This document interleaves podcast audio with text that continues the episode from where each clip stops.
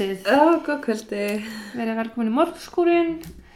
Ég er Jóhanna Ég er Þórdís. og við ætlum að vinda okkur beint í þetta. Frábært. Uh, ég ætla að segja ykkur í dag frá A-klassa viðbjöði Ó, greit. og sá heitir John Norman og hann fættist sem John Norman Chapman í Windsor í Kanada þann 17. júni árið 1947. Ok. Hann var sonur hjónana Richard og Loretta og var þriðja og yngsta barnið þeirra en fyrir áttu þau Jerry og Gail og það skiptir nákvæmlega engu máli. Ok, takk fyrir að láta okkur vita. Já, en ég nefni Gail aðeins en ég tala um hana sem systur hans. Ha? Ég nefni Gail aðeins á eftir. Er hún, var hún ekki barnið hans? Nei, barn Richard og Loretta. Þetta ok. sískinni. Ok, Johns. ok. John ólst upp við afar umurlegar aðstæður en pappa hans fór frá þeim bara mjög fljótlega eftir að John fættist en pappin hafi bara verið hreint útsagt fyllibita og vondur við mömmu John og var því kannski ekki það alvesta sem gæti skeið að hann bara færi úr lífinu þeirra Já. en það sem átti eftir að gerast var svona þvíum vera en Loretta giftist mjög fljótlega öðru manni eða árið 1949 og það lítið að segja frá annað en að sá maður var bara umingið líka. Ok.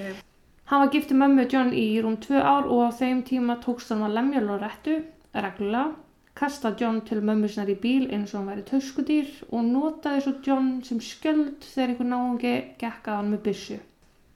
Bókstallega að nota þryggjara gammalt barn sem human shield frá byssuskotum. Já, greit. Ætli það hafi verið útslægið og Loretta ákveð því að fara frá þessum umingja, flytja til bandaríkina með börnin þann sem hún var upprunalega og búa sér til líf í Detroit, Michigan með börnunum sínum. Þau byggi Kanada. Ok. Ekki leiða lengu þar til að Loretta var búin að kynnast öðru manni, William Collins, sem leit út fyrir að vera bara the it guy, bara draumagur. Hann tók og ætliti öll börnin þrjú og úr varð að John hétt John Norman Collins. Hann var engin draumagur þó, uh, þó hann hafi ætlið börnin þrjú því hann var eins og henni tveir, fyllbytta, og lagði hendur á mömmu Johns. Það hjónaband endaði svo árið 1956 en þá var John orðin nýra gamall bara búin að upplega mömmu sinni í hjónaböndum með vondumönnum og þessi vondumenn búin að vera hans föður ímynd þannig að hann fekk mjög fljótt mjög brenglaða ímynd á kallmannum. Já. En John virtist ekki hafa orðið fyrir henni svakalegum afle- afleiðingum þessa. Hann stóð sem við príði í school, hann var fyrirmyndanemandi, honor student. Ég veit ekki hvað það Heiðursnemandi. Já, heiðursnemandi, takk. Og mjög vinsæll og meðal samnefndan sinna. Hann stundaði alls konar íþróttir, meðal annars körfubolta, glímu og skíði, en svo var hann líka fyrirliði einhvers klúps sem kallast C-klúburinn. En Googlið gaf mér mjög margar útskýringar á hvað það getur verið og því fyrir við bara ekki náttúrulega í það. Ok, þetta var sérst kaltani. Ha? Þetta var sérst kaltani. Þú Hvað? fegst sérst engar útskýringar. Nei, ekki Nei. neinar. Þú sagði að Google gaf mér mjög margar. Já, mismöndi. Já, ok. Já. En John var líka aðal leikmaður hafnaboltaliðsins fyrirbyld, fyrirbyldi, fyrirliði fótboltaliðsins og var bara svolítið maðurinn innan skólans. Hann var mjög myndalur, alltaf vel til hafður og fannst ekki leiðild að deyta stelpunar í skólanum sínum og var fljótt komið með orðspor á sig að vera einmitt svolítið duglegur að deyta. Og nú ætlum við öll að kíkja á Instagram og sjá mynd að því ég glemt að sína þórtsi og ég er að gera það núna. Hann flottur. Þess. Bara frekar myndalegur. Já, hann minnir mig á einhvern leikara. Já. Hann lítur svona dag. Nei, nei, hann er ekki smyndalur í hjælt. En deyta er hreinlega bara að sofa hjá. Það var Ok. hann að deyta. En kærustur og stelpur sem hann var að deyta áttu setna eftir að eiga orð á því að hann væri nú frekar grófur í hvers konar kynferðislegum atumlum og með algjöra óbytt á blæðingum hverna. Æ, hættu. En í eitt skipti var hann með einni stelpu. Hann var búinn að koma í gýrin þegar stelpan tilkjörunum um það að hann ætti nú aðeins að róa sér niður þau getur ekki fyrir allar leið að því hún var á blæðingum. Við þetta reyttist ekki bara John, hann fussaði og sveigiði og öskraði á hana hvers konar viðbjóður hún eiginlega væri. fyrir það eitt að vera á túr. Huh. Þannig það er nú kannski svolítið það sem við skulum hafa í huga því ég renni við málið í dag. Ok. En John var bara svolítið með þetta í school, alkallinn og hvað eina. Fer svo í Eastern Michigan University í Ypsilanti, þar sem hann lærið til kennsluréttinda, þykist ég vita. Hann ætlaði allan að vera kennari. Ok. Þar hjælt hann áfram í smá tíma að vera algjörkatt. Hann var komin í bræðrafélagið Theta Chi, hjælt áfram að deyta rosa marga stelpur og svoðjastelpum. Gekk mjög vel námslega, vann fyrir sér sem fyrirsæta þar sem hann satt fyrir úr síndu öðvana. Útskýrir andlitið á hannum. Já, hann var bílakall, elskaði bíla og mótuhjól og átti orðið einhvað af þú veist flottum mótuhjólum, flottum bílum, Ok. Hann var svona braskari. Þannig að hann var bara að gera fyrir eitthvað vel í lífinu þar til einn daginn að hann bara var ekki að gera vel í lífinu. Á mjög stuttum tíma fór hann úr því að eiga fyrir sér mjög glæsta framtíð í að vera ásakar um þjófnað. Þannig að hann var rekin úr bræðrafélunu Árakurinn í skólunum fór dala og hann var ásakaður um að svindla á prófum og í tímum. Uh, úrvarð að hann var fann að stunda svona smá þjófn að setja spennu. Ok. Hann fekk eitthvað út í því að stela og vera ekki gripin fyrir það. Þú veist, Já, ok. hann var meira ofbeldisfullur í gard kvenna. Kynlíf var bara fjarrið því að vera eðlilegt. Nú ætla ég að tilfá tánum því bara fólk gera það sem hann vil gera. En það voru kannski ekkert allir... Hann var bara ofbeldisfullur Ok. í kynlífi. Já, ok, hann bara gekk yfir streikið. Já, Ok. Systir hans tilkynnti svo að hún var ófrísk og hann leta ekki duga að lemja bara barsföður hennar. Hann lamdi ófrísku systir svona líka. Að því hún var ólétt. Þannig að það auglustlega klikkaði eitthvað þessum háskóla árum. Hann En- hafði sérst bara óbytt fyrir blæðingum og börnum Allan að óléttu systur sinni skilur. sem að fóru blæðingar. Já, það var bara- nákvæmlega. ok. Það var bara, það var bara svona ábyrndi kvennahatur. Já, ok. Þannig að það klikkaði eitthvað þarna á þessum háskóla árum en mikið svakalega átti það að dröðsna. Já. Þann 7. ágúst 1967, þetta voru rosalega mörg S, Já. voru tveir 15 ára gamli strákar að rölda í nágrunni við gamla hlöðu í útkværum Ypsilandi. Þar rákust þeirra lík af ungri konu. Um var að ræða hérna 19 ára gamli Mari Flesjar. Mm. Hún hafði horfið þann 18. júli sama ár en líkamslegar hennar voru komin á langt á veg í niðurbrota ferli. Mér finnst róttanu ferli alveg hyllilegt að segja. Já, niðurbrott. En hún var bara til að skafa einhver mjög, mjög illa farin. Á hana vantaði bæði hlut af höndum og fótum. Það var búið að stinga hana einhvers 30, 40, 50 skipti og uh, leit allt út fyrir það að hún hefði ítrekk verið lamin ofan í þennan fjölda af stungusárum. Lauruglan var vissum að líki hefði verið fært til að minnstakosti í þrýgang en ummerki voru um að líki hefði leiðið á minnstakosti tveimur stöðum fyrir utan þann sem hún fannst á. Ok. Þetta var bara nokkur myndar radjus uh, sem hún var færð frá hérna og hingað og þangað. Ok. Hún hefði verið appisnugulum kjól og fannst hann örlítið frá þann sem hún fannst rifin á sandunar föturum hennar sem voru líka rifin. Mari hefði sérst síðast fyrir utan íbúinu sinna þann 18. júli. Hún hafði alltaf í göngutúr eins og hún var vöna að gera og þegar hún hafði ekki skilað sér heim einhverjum tímum síðar fengum meðaleigendur hennar áhyggjur og hefði samband við fólkdur hennar. Þá hefði 24 tímar liðið síðan einhver sá hann síðast. Ok. Lauruglan tók nú frekar létt á þessu en það frekar vanir að heyra því að unga stúlkur var að hlaupa heimann í fangi af ykkur gaurum og Ugh. glemt þessu partíum. En þetta var mjög mikið úr karakter fyrir Mari. Hún hefði líka skilið allt sem að skipta hana einhverju máli eftir heimaðu sér og eins hefði bílinn hann að vera á nákvæmlega sama stað hún hefði lagt hann síðast. Uh, og var því ákveða að hrinda þetta rannsóknar en svo rannsókn skilaði nákvæmlega engu fyrir að líka af henni fannst. Ok. Lauruglan hafi fengið eina vísbendingu áður en að líki fannst. Maður á grábláum bíl hafi verið að tala við Mari á meðan hún gekk eftir göttunsni.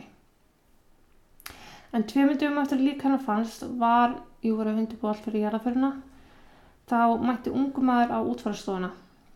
Hann sagðist vera þarna á vegum fóruldra Mari og baði um að fá að taka mynd af líkinu. Því var auðvitað harneitað og bara hreitt í hann að hann fá að anskotan ekkert að taka neina mynd af neinu líki og svör mannsins voru bara get ég alveg ekki að lappa aðeins upp á hann svo ég get fengið að taka myndir? Bara can't you make her look, look good enough for me to take pictures? Hún var vísað beinslega dyr bara með þess sami og hann gekk út steinþegend og hljóðlaust en áberandi reyður og svip. Starfsmaður útfærastofunar hafði tekið því að maður var mjög myndalegur með dögt hár og gekk út í blá gráa bílu sinn hún hafði líka tekið eftir því að maðurinn sem jú vildi taka myndar af Mari var ekki eins og með myndavel á sér þannig að hvað ætlaði hann að gera hann inni Ertu bara að segja mér að hann ætlaði að vera náriðl? ég bara get ekki svona Ok. en ég er að lefa ímyndanaflunni Nei, takk. Tæpu ári síðar, eða þann 7. júli, fannst líka á byggingasvæði. Viðkomandi hefði verið stungin ítrekað og þegar ég sé ítrekað þá minni ég 50 sinum Ok. og talin hafa látist um 50 um áður. Efri hlutu líksins hafði auðsjónlega orðið fyrir náttúröflunum, þar að segja tölvöld lengra komið í niðurblótsferlinu en neðri líkaminn sem leit út fyrir að hafa verið bara hlýft fyrir eitthvað vel.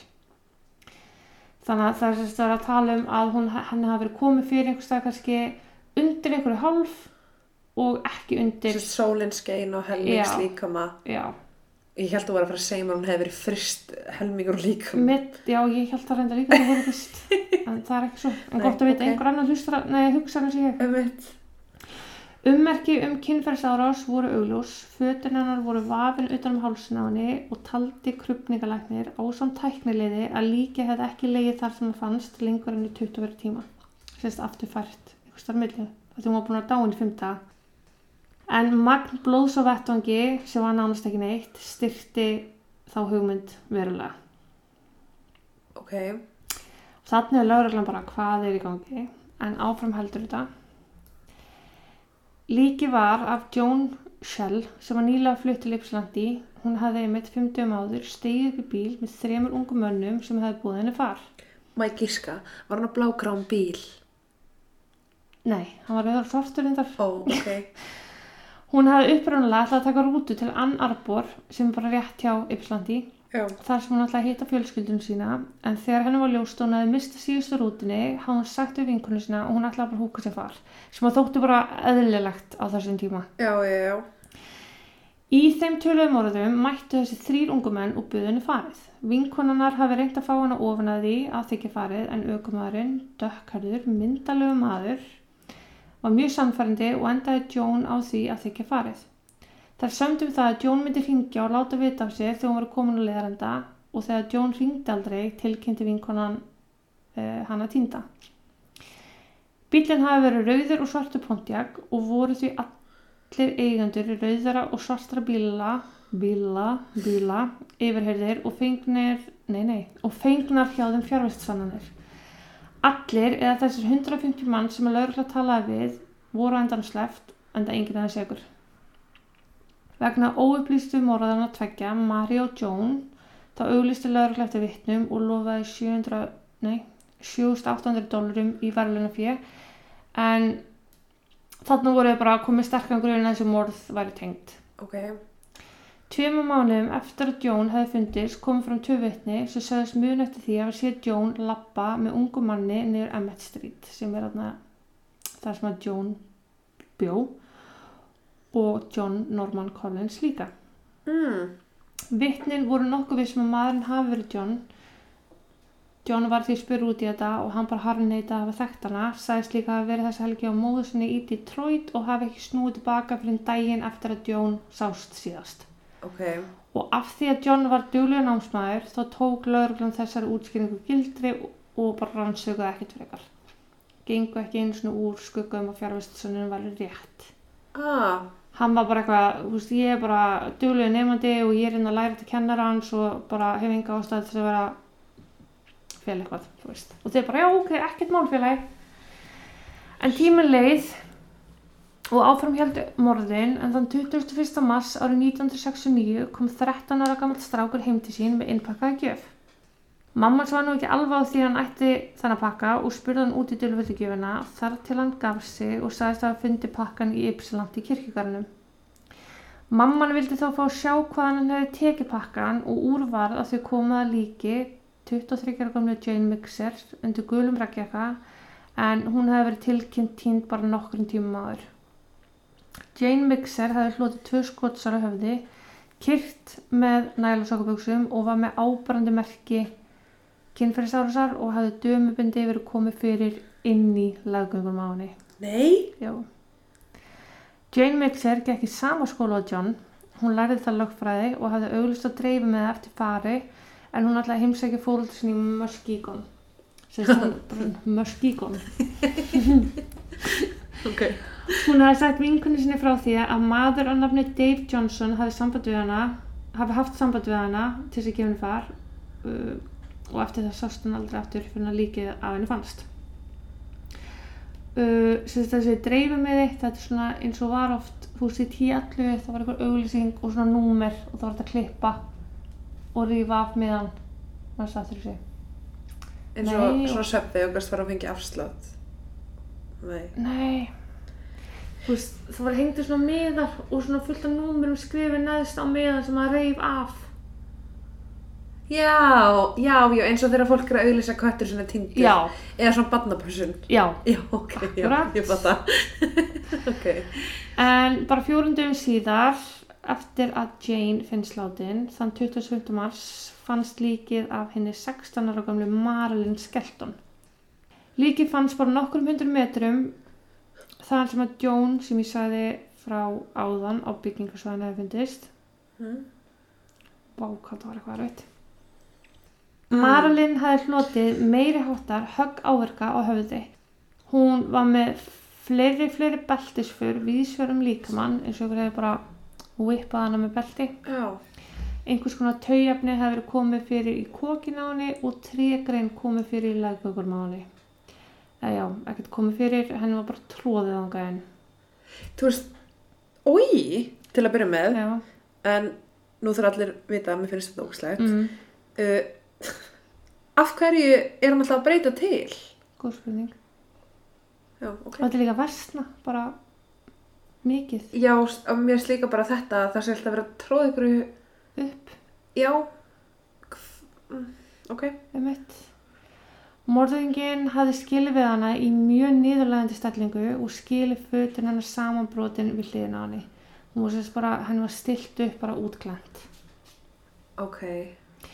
Marilyn hafði átt sögum fíknafnaneyslu og því var morðið kannski ekki beint tengt við hinn morðin uh, en hún var að húka sér far þegar hún sást síðast en almennt var talið að hún hefði kannski lent í raungu fjárhalskap og þetta hafi verið aflega þess.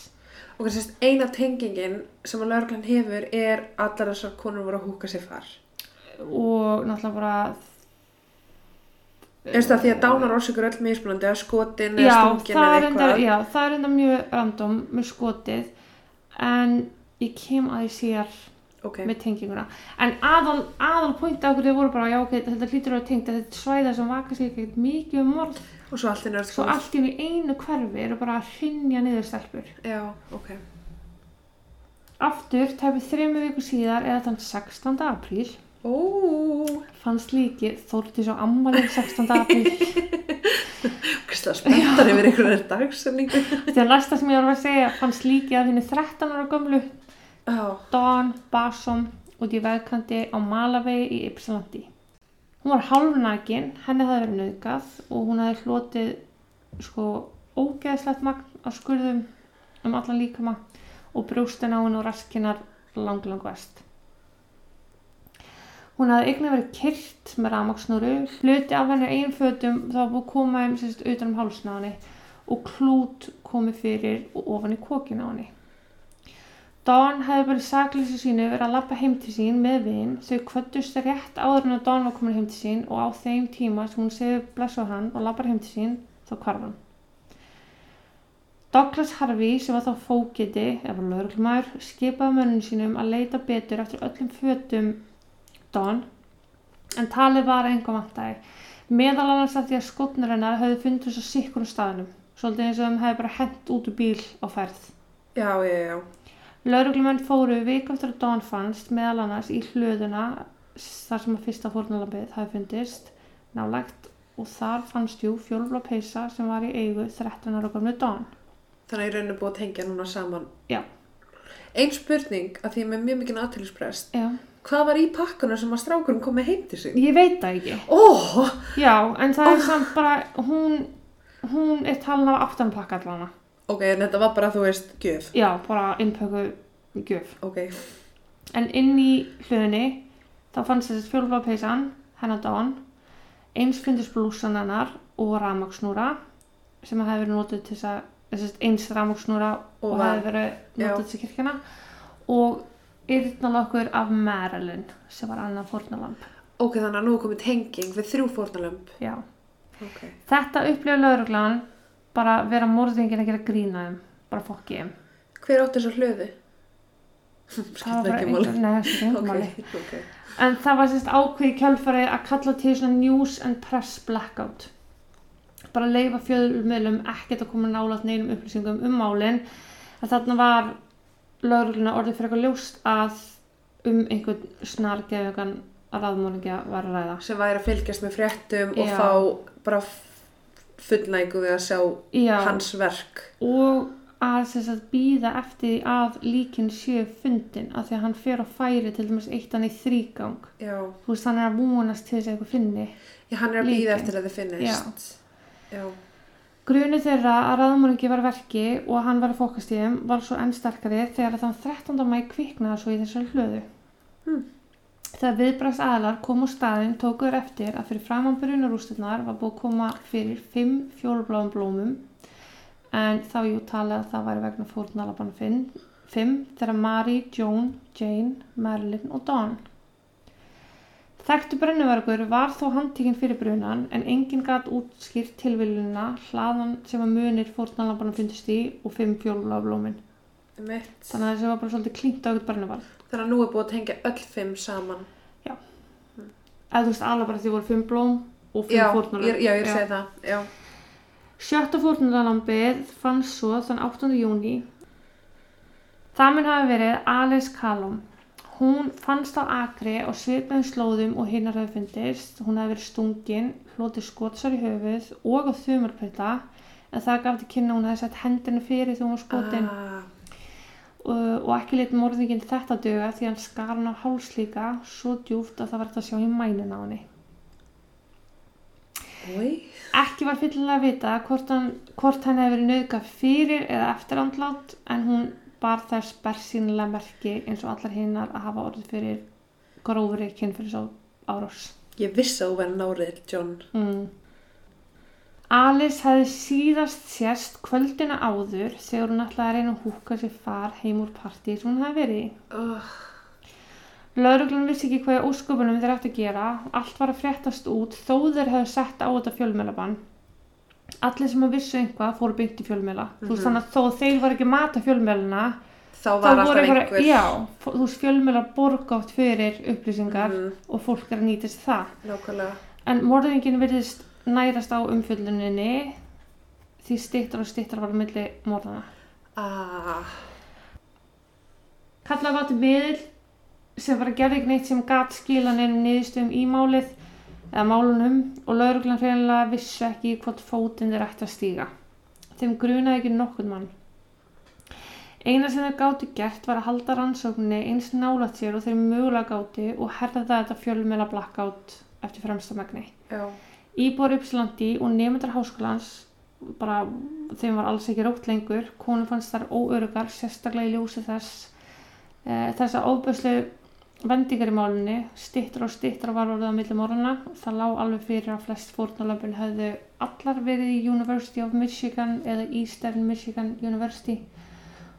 Og fólki var að fara að gruna að ráðumorgin væri samnefandi fórnalöfana En einra var 13 ára. Já, það er svona eina sem að stóð út úr en var samt. Já. Já, að ok. hún var að hugsa var Já. Tekið var upp úr svo kallu buddy system þar sem að konur myndu alltaf ganga að minnst þrjár saman eða í samfylgd kallmanns. Sala táragassa, hnífa og byssum jógst gríðarlega í ljósum morðana. Ekki sást eins mikið til puttalinga eins og vanið var á þessum tíma og verðurleuna fyrir var rifið upp í 42.000 dólara. Sem er okkur slætt á þeim tíma. Mjög mikið. Í byrjun júli árið 1969 var búið að skoða yfir þúsund dæmdra kynferðisafbrottmanna og reyna að tengja þá við morðin, eðlilega. 800 tips hafi verið skoðuð og þúsundum manna yfirherðir í kjölfarið. Árið var jú 1969 og DNA rannsóknir ynga veginn eins aðgenglegar og þar eru í dag, svo erfitt var að fara eftir þeim liðanum. Lauruglan vonast bara til að morðingi myndi klikka á einhverju, skildan halda áfram að slegu bílun. Gefin var út lýsing á gerandunum og sagan segir svo að uh, lýsingin eða prófílinn sem, sem var gefin út hafi verið gefin út af miðli en ég selð það ekki dýra en ég kefta en lýsingin hljóðaði í það minnsta svona að umvar að ræða hvítan mann á 30 aldri sérst einhver starfn á aldurspilinu 21 árs til 26 ára Já.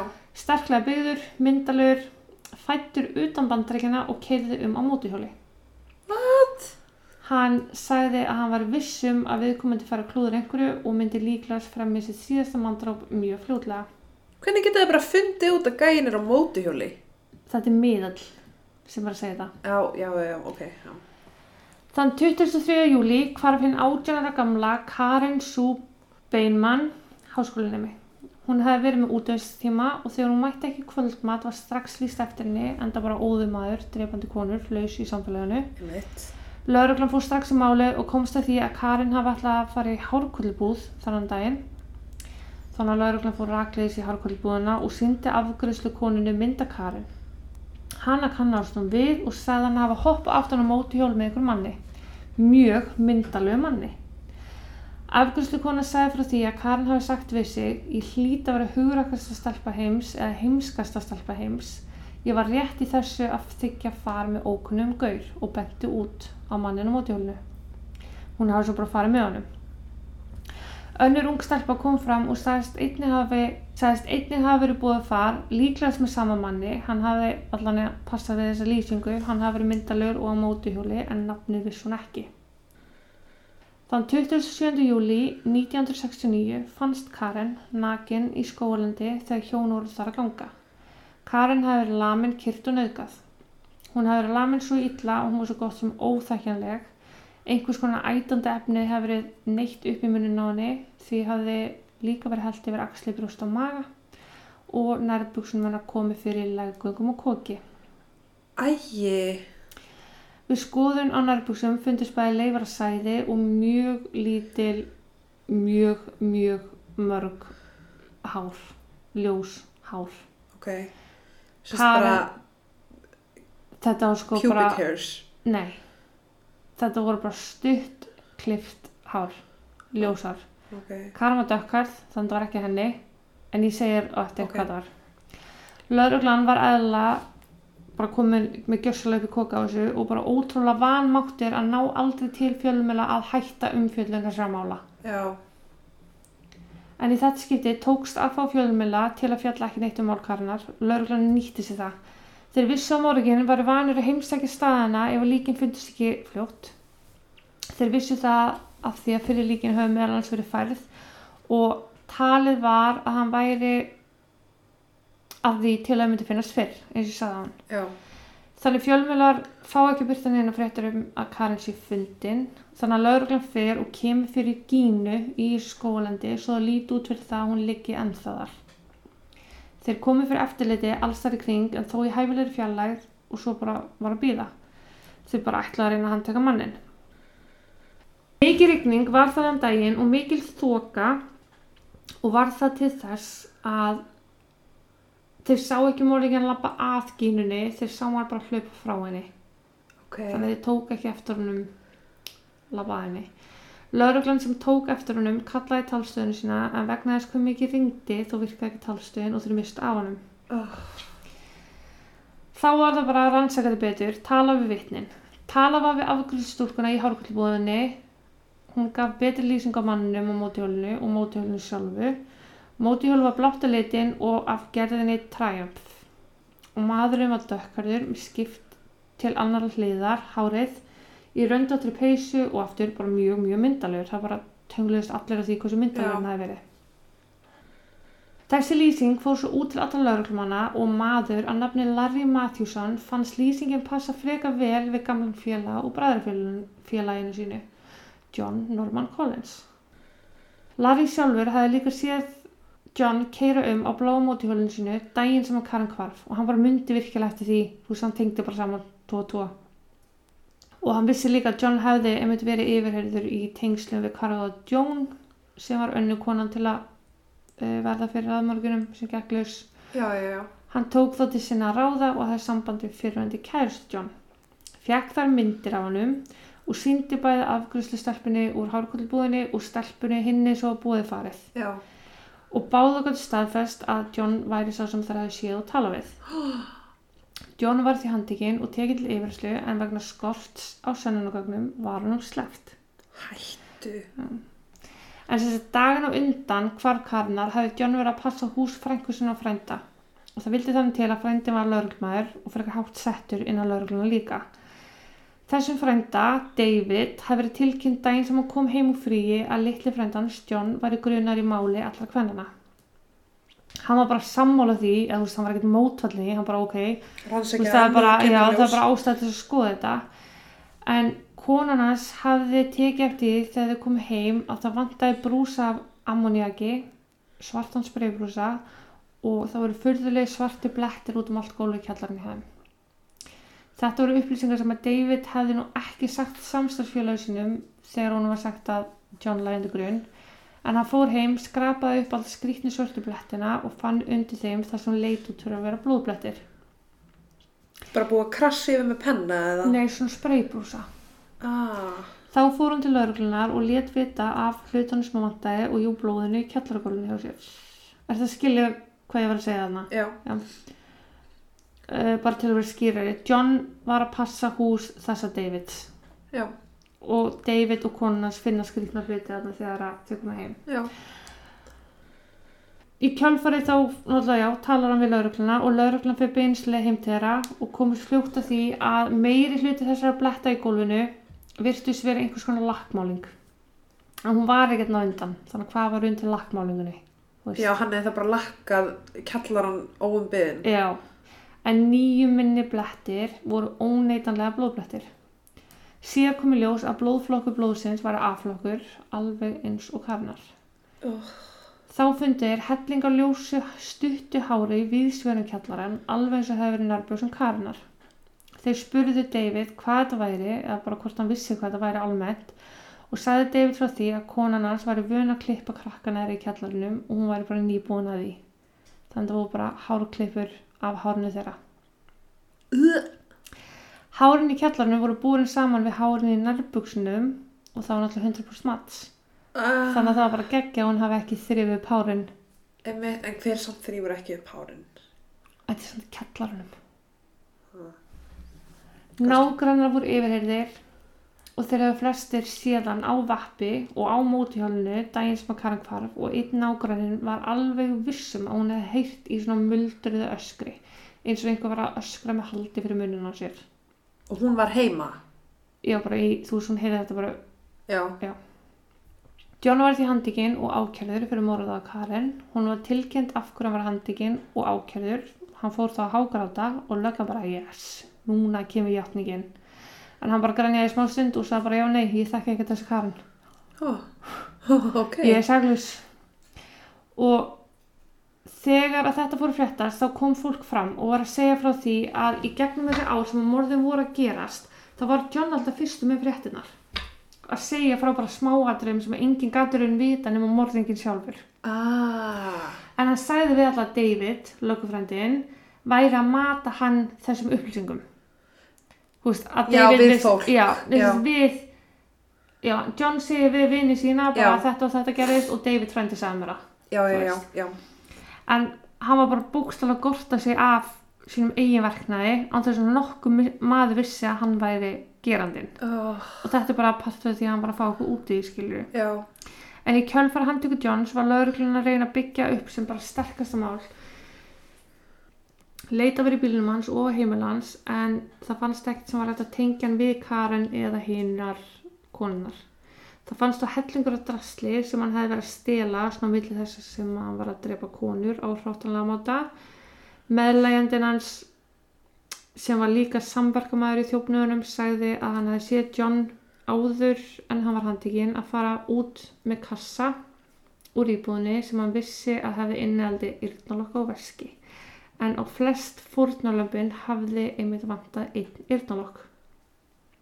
Handtakan fréttist alla leið til Kaliforníu og lauruglan þar hafði sambandi lauruglan í Ypsilandi.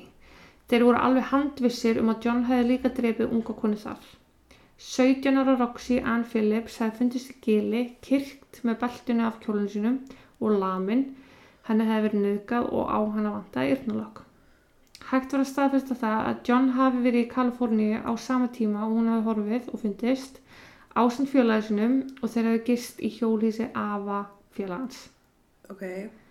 Hjólísi var skoðað en það var ekkert að finna, ekki einu svona fingrafar. En það var svona þeirra von um að hægt var að tengja Roxy og John, bara að finna fingrafar þeirra begja á sama stað. Að Ok. þá var þetta að tengja En alltaf vinur hans var með honum.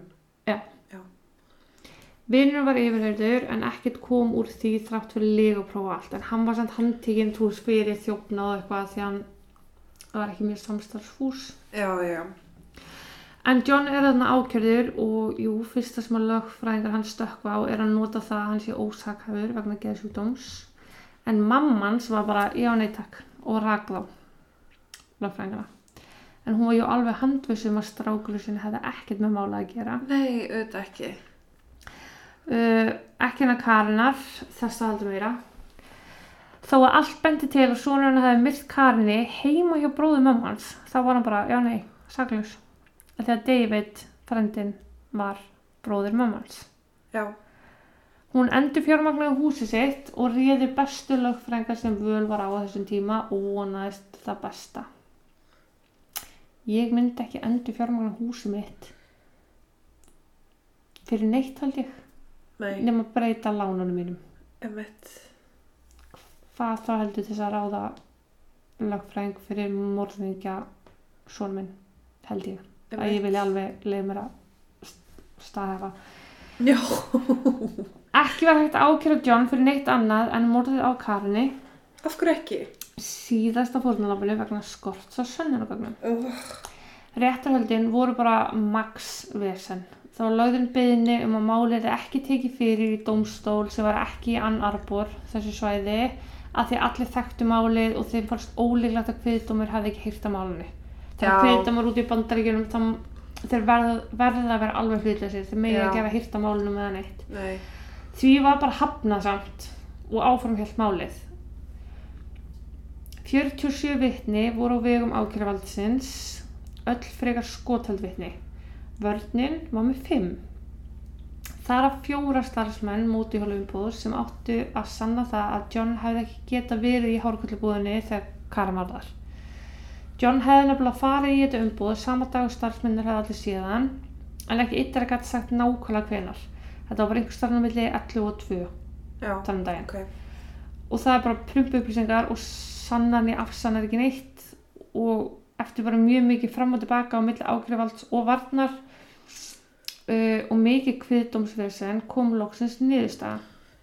En að með þetta fram og tilbaka það var allt sem að ágriðvaldi kom með þá komið þau með annan sérfræðing til Sem að, já, til að reyna að segja eitthvað ekki til að koma móti, bara til að leggja orðið í belg veist bara, Já, til að þakka niður um Já. það og bara til að búa til vafa. Já, En kviðdómurinn hafi tekið sér þrjá daga í að melda þetta allt saman, lesið aftur yfir allt sem dómsritarið hafi skrifað og bladara saman í 27 tíma samtals. Sérstu, eittir 27 tímum á þessum uh, 72 tímum já, bara í að tala um þetta. En það 19. ágúst árið 1970 var John, var John Norman Collins fundin segur fyrir morð á fyrstu gráðu og blessunlega eftir allt þetta spjall kviðdóms þá voru þeir allir sammála um niðurstana sem er náttúrulega alltaf betra. John brást lítið við þessu en mamma og sýstir hlupu hágrænjandi út úr dómsalum. Sýstir hann sem að hann lamdi því hún var ófrísk mannstu. emitt. Þann 28. ágúst var svo formal sentencing. Það sem var bara hveðin upp er efstíkin hans. Þessi dómari hvað upp bara hver hans framtíðiði. En þar var hann dæmdu til lífstæða fangilsis án alls möguleikja á reynslaust. Hann hafði ekki, hann hafði ekki sagt stakt orð öll réttarhöldin og bara mjög líklega því hún var ráðulegt að segja ekki neitt. En hann ákvað þarna í þessari rafsikvæningu að segja frá því að hann var alveg sannfærum um það að Kviðtumar hafi reynt sitt allra besta í að gefa honum sangjöld réttaröld. Hann væri samt alveg á því að það væri bara verið að ofgjöra öllu því sem rætt var í réttaröldunum. Aðstæðar og hvernig málunum var háttað hefði þó sétið þess að réttaröldunum væri ekki. Já. Hann sagði að það kæmi í ljós einn daginn og hann væri saklaus. Hann þekkti sko enga karinni, hann reyndi aldrei að tala við hana, fór aldrei með henni í hárkollu búð eða heim til frendans, hann drap hana sko ekki. Og dómarinn var bara, já ok félagi, ekkert mál, þú veist, að það er svoleiðis, það er bara svoleiðis og það kemur í ljós. Já, Þú veist, það bara nefndi enginn að taka undir þetta. nei. En John reyndi svo margsinnis að áfriða málunu, hann var alls konar ástæði fyrir því, hann vildi áfriða því uh, að máli var tekið fyrir í þessum domstól sem hann vildi ekki að máli er tekið fyrir í. Svo ástæðan notaði hann í fimm skipti, Hversu oft getur maður áfríðað? mjög oft. Ok, Hann áfriðaði vegna staðreindarinnar að fjölmiðlar hefði fjallað svo mikið um málið sem ég skil ekki alveg en trúlegast að því hann var nafngrindur bara frá fyrsta degi. Já, er það þá ekki bara út af því að kviðdómur geti þá mjögulega hafa, Trúlegast sko. já, en það bara skipti ekki máli hvað hann áfriði oft. Hún var alltaf neitað. Og ennþá setur hann út úr sér í fangilsi og verður þar bara um óknum tíð sem betur vel en leðilegast er allir hérna konunar hafi ekki fengið réttlætinu framgengt en niðurstann hefði svo sem verið alltaf svo sama. Lífstæða fangilsi skilju já, nákvæmlega. En var hann tengdur við öll fórnalömpin? Þú veist, var hægt að Sko. tengja Karinni við þessar sem að letur stjórnluðinni og blómin og allt þetta dæmi? sko það var ekki hægt að tengja hver, hverju eina við hverju aðra annað en það að það bara voru í háskólum á svæði en það var líka önnur 13 ára stelpa sem það fundist 1967 og hún fannst líka kyrkt með rafmaksnúru uh, henni hefði verið naukað og eins og önnur fórtunlöf þá búið að setja föt utan um hálsina á henni. Og það var eins og með hérna líka þær fara allar saman nei, þær fara allar saman. Það sem er í allar samanlegt er að þær virðast allar hafa þegið far, farið með honum viljuar Já, já, já, já. en svo er með hérna Jane Mixer sem var eitt fórnulamara það var maður dæmdur fyrir það morð. Hún var með tvö skotsar á höfði sem var skrítið, sem var svona ómulegt það var tvær af þessum átta Já. með skotsar Jane Mixer var með skotsar oh my god, hvað heitir ég? Það var farið og aðtöða með lífsýni á henni þess að það var tekið lífsýni af öllum stelpunum úrsla, bara Já. í rannsókninni. Og það var maður gömul hjúkunarfræðingur ga, nei, nei, gammal hjúkunarfræðingur sem að starfa ekki lengur sem hjúkunarfræðingur sem að samsvaraði við lífsýnið þannig að hann var bara handtíkin út frá því. En setna kom ljós að það var einhver annar morðingi þar sem að DNA hans líka samsvaraði. En á þeim tíma sem morðið á Jane gerðist þá var hann sko tveggjara What? þannig að það hefur verið eitthvað svona mix-up og út af því þá er ekki almennilega að vita bara ok, var það John eða var það þessi hjúkunarfræðingur sem átti að hafa Ok, Fyrir það, já, en, já, og það er ekki hægt að beintekja John við neina nema Karni síðast á fórnarlambið. Þannig að þú veist, það er í rauninu bara ólist en það er þess að tengingin á milli Johns og Karnar er svo að það vita að þau bæði tvö voru í kjallarnum hjá David á sama tíma. Var þetta hennar blóð? Já, þau voru sama blóðflokki. Ok, og náttúrulega hárin sem voru í kjallara Já, konunni já, já, það er voru næri buxum hennar, en, En- það, með allar hinar það er bara svona það er ákveðin vafi í því og þá er ekki hægt að dæma fyrir það. Ok, og með hinn manni sem var dæmdur fyrir morðið á Mary það er bara, er mér ós nei, já, fyrir, á, Jane. á Jane. Það er mér bara óskilalegt hvernig það hvernig það gekk upp, sko. Ok, þannig að en það var eitthvað tengt í líka að hann átti bók eða var með bók heima á sér þar sem hann stóð Mixer sem var eftir nafni hennar og hann bærin Musky já, ok, sem var eitthvað svona, já, já, ok, þannig að, en ég, ég kynnti mig það ekkert nógu vel til þess að geta sagt frá Nei, því nei, nei, sko. en hann var samt ógeð Já, ert að djóka. þannig að, og það er einhver svona orðspor orðspor, rumors að þær hafa allar verið á blæðingum en ég hef hvergi fundið það Hvernig staðfest. ætti hann að vita það? spurningu hvort hann hafi sofið bara hjá stelpum sem voru ekki á blæðingum af því hann var svona ladies man Og þær sem að voru... voru á blæðingum Ó, hættu. en ég gæti ekki vikið nynnstar staðfest en það er fjallað um þetta á nokkur stöðum þannig að bara svona alltaf ég nefna það. sérstaklega í ljósi þess að ég tók það fram að í byrjun hvað Já. hann væri ógslir Já. en það er svo sem ekki meira frá þessu mál að segja en þetta, þetta er þetta mál eins og mörg önnur að það er hægt að tala um svo marga vinkla Já. á málunni þannig að, já. Klukkur er rosalega margt. Við ættum að vera að gefa út þannig þátt eftir myndur þannig að ég ætla að vera heim að kleifa og þakka fyrir mig kvöld. Takk og bless. Takk og bless.